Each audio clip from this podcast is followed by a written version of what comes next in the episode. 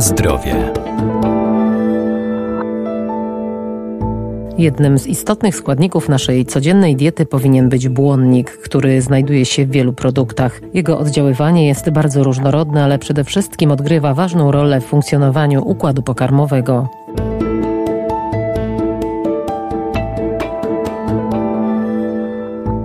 Błonnik pokarmowy, zwany też włóknem pokarmowym, oczyszcza i odtruwa nasz organizm. To pozostałości komórek roślinnych odpornych na działanie enzymów trawiennych człowieka, które przechodzą przez jelito jako niestrawiona pozostałość. Poza poprawą tej motoryki, czyli pracy jelit, on będzie zmniejszał również poposiłkowe stężenie glukozy we krwi lub insuliny, czyli będzie korzystny na przykład dla cukrzyków czy osób, które mają problem z gospodarką węglowodanową. Dietetyk Maciej Pokarowski. Dodatkowo błonnik pokarmowy jest istotny dla osób, które chcą redukować masę ciała, czyli są na jakiejś diecie odchudzającej, e, ponieważ błonnik pokarmowy będzie sprawiał, że odczuwamy na dłużej sytość, co jest związane z niską gęstością energetyczną, czyli możemy stosunkowo dużo e, zjeść takich produktów, natomiast kaloryczność tych produktów nie będzie zbyt wysoka. Jeśli chodzi o błonnik pokarmowy, no to też musimy sobie uświadomić, co jest jego źródłem. Tutaj można postawić kropkę po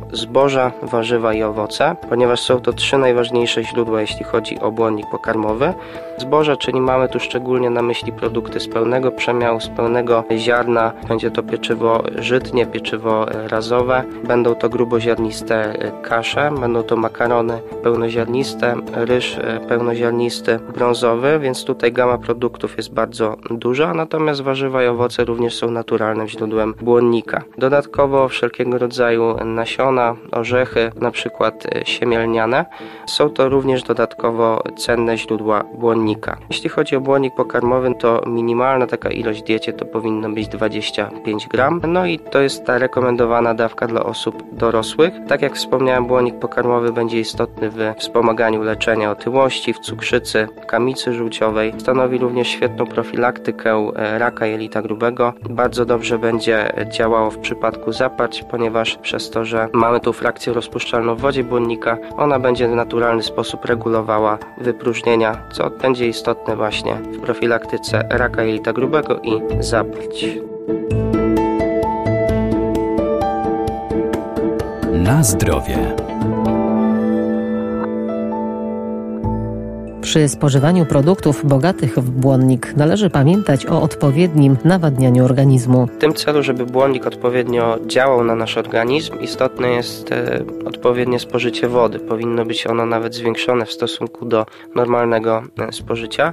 W momencie, kiedy tej wody nie będzie odpowiedniej ilości, e, niestety błonnik nie będzie mógł spełniać swojej funkcji, więc odpowiednie spożycie zbóż, warzyw i owoców, czyli naturalnych tych źródeł błonnika, w połączeniu z odpowiednią podażą płynów, mam tu na myśli tak naprawdę wodę, to wówczas będziemy mieli dobroczynny wpływ na nasz organizm. Jeśli chodzi o błonnik pokarmowy, to też trzeba uważać e, ze zbyt dużą ilością tego błonnika w diecie, ponieważ nie u każdego jest to korzystne, ponieważ błonnik pokarmowy może utrudniać przyswajanie niektórych witamin i minerałów, np. wapnia, żelaza czy magnezu.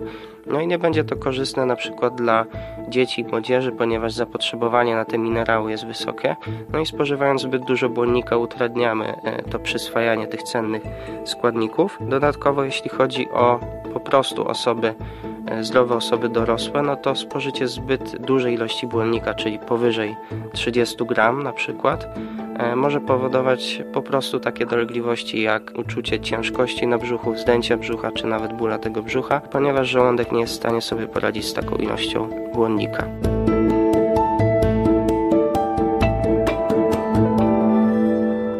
Jeżeli postanowimy zmienić swoje dotychczasowe nawyki żywieniowe, to warto zawsze taką decyzję skonsultować z dietetykiem bądź lekarzem.